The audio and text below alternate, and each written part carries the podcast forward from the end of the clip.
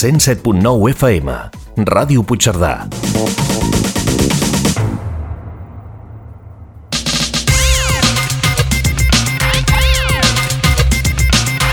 A la sintonia de Ràdio Puigcerdà, els dimarts a les 12 del migdia, Ciència en Colors, presentat per l'Enric Quílez, un programa de divulgació científica i tecnològica.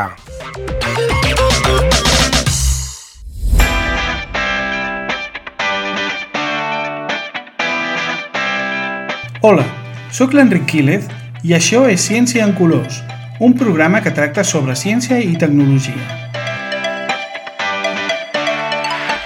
Avui tractarem sobre la nanotecnologia. Per entendre què és la nanotecnologia, primer hem de comprendre l'escala a la qual es desenvolupa. La nanotecnologia, com el seu nom indica, és la tecnologia a l'escala del nanòmetre. Un nanòmetre és la milionèsima part d'un mil·límetre. Costa d'imaginar, però si dividim un mil·límetre en un milió de parts, Cadascuna d'elles tindria la longitud d'un nanòmetre. Aquesta és l'escala dels àtoms i de les molècules, i de fet, la nanotecnologia permet manipular-los en petits grups o fins i tot individualment. Les aplicacions nanotecnològiques són força antigues, de l'època romana, tot i que ells no tenien ni idea de com funcionava la cosa. Comencen amb la copa de Licurgo, que és una copa de vidre que conté nanopartícules de metall a la seva composició i que es veu d'un color diferent si la il·lumines des de dins o des de fora. També els vidres tintats de les catedrals medievals presenten aquests colors tan vius gràcies al fet que en la composició del vidre hi ha nanopartícules de certes substàncies que fan que la llum adquireixi aquests tons tan espectaculars. La nanotecnologia moderna es considera que comença a partir d'una conferència del gran físic Richard Feynman titulada Hi ha molt espai al fons, del 29 de desembre del 1959, on va afirmar les bases d'aquesta disciplina. Pròpiament, el terme nanotecnologia va ser encunyat per l'enginyer estadounidenc Kim Eric Drexler l'any 1986 en un llibre capdalt, Motors de creació, l'arribada de la nanotecnologia i des de llavors, aquesta disciplina de la ciència i de la tecnologia ha mostrat tenir aplicacions enormes i molt variades a la física, la química, la bioquímica, l'electrònica, l'enginyeria, la informàtica, la medicina o la robòtica. La nanotecnologia consisteix a manipular la matèria a escala nanomètrica, tot creant dispositius d'aquesta mida, com nanomotors, nanotubs, nanopartícules, etc., i encara s'està desenvolupant. Per fer-ho, es poden fer servir uns aparells especials molt precisos, com són els microscopis de forces atòmiques i els microscopis d'efecte túnel, tot i que s'han desenvolupat moltes altres eines. Segur que heu sentit a parlar de nanomaterials. Aquests generalment són materials normals que han estat alterats d'alguna manera, per exemple, afegint-los nanopartícules.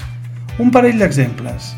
Les cremes de protecció solar, que amb les nanopartícules adequades protegeixen la pell dels rajos ultraviolats amb una enorme eficàcia.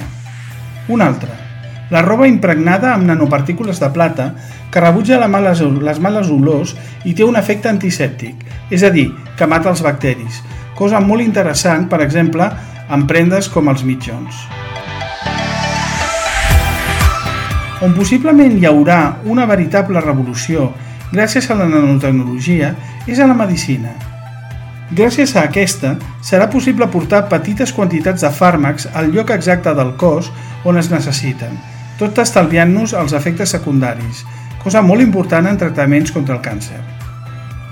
També la nanotecnologia pot obrir noves portes de gran eficiència a les cèl·lules solars, fent que aquestes augmentin molt el seu rendiment energètic i converteixin millor la llum solar en electricitat.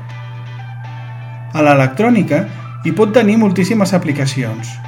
Un exemple són els punts quàntics, que són materials semiconductors de mida nanomètrica que emeten llum quan se'ls aplica una determinada tensió elèctrica i es poden fer servir per fer pantalles, com si fossin leds extremadament petits.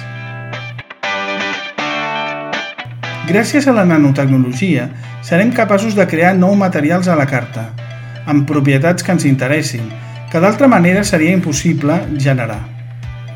També serà possible crear nanorobots que podran interactuar amb les cèl·lules i els teixits del nostre cos, per exemple, reparant-los o atacant les cèl·lules canceroses i aquestes coses podrien revolucionar la medicina. Això es podria aconseguir gràcies a les nanoesferes, cobertes amb polímers fluorescents i que un cop introduïdes al cos humà podrien ser dirigides a les cèl·lules tumorals per detectar-les o fins i tot per eliminar-les. Les possibilitats són enormes. De fet, hi ha qui diu que el segle XXI serà el segle de la nanotecnologia i que veurem revolucions increïbles gràcies a aquesta ciència. El temps ho dirà. I fins aquí el programa d'avui.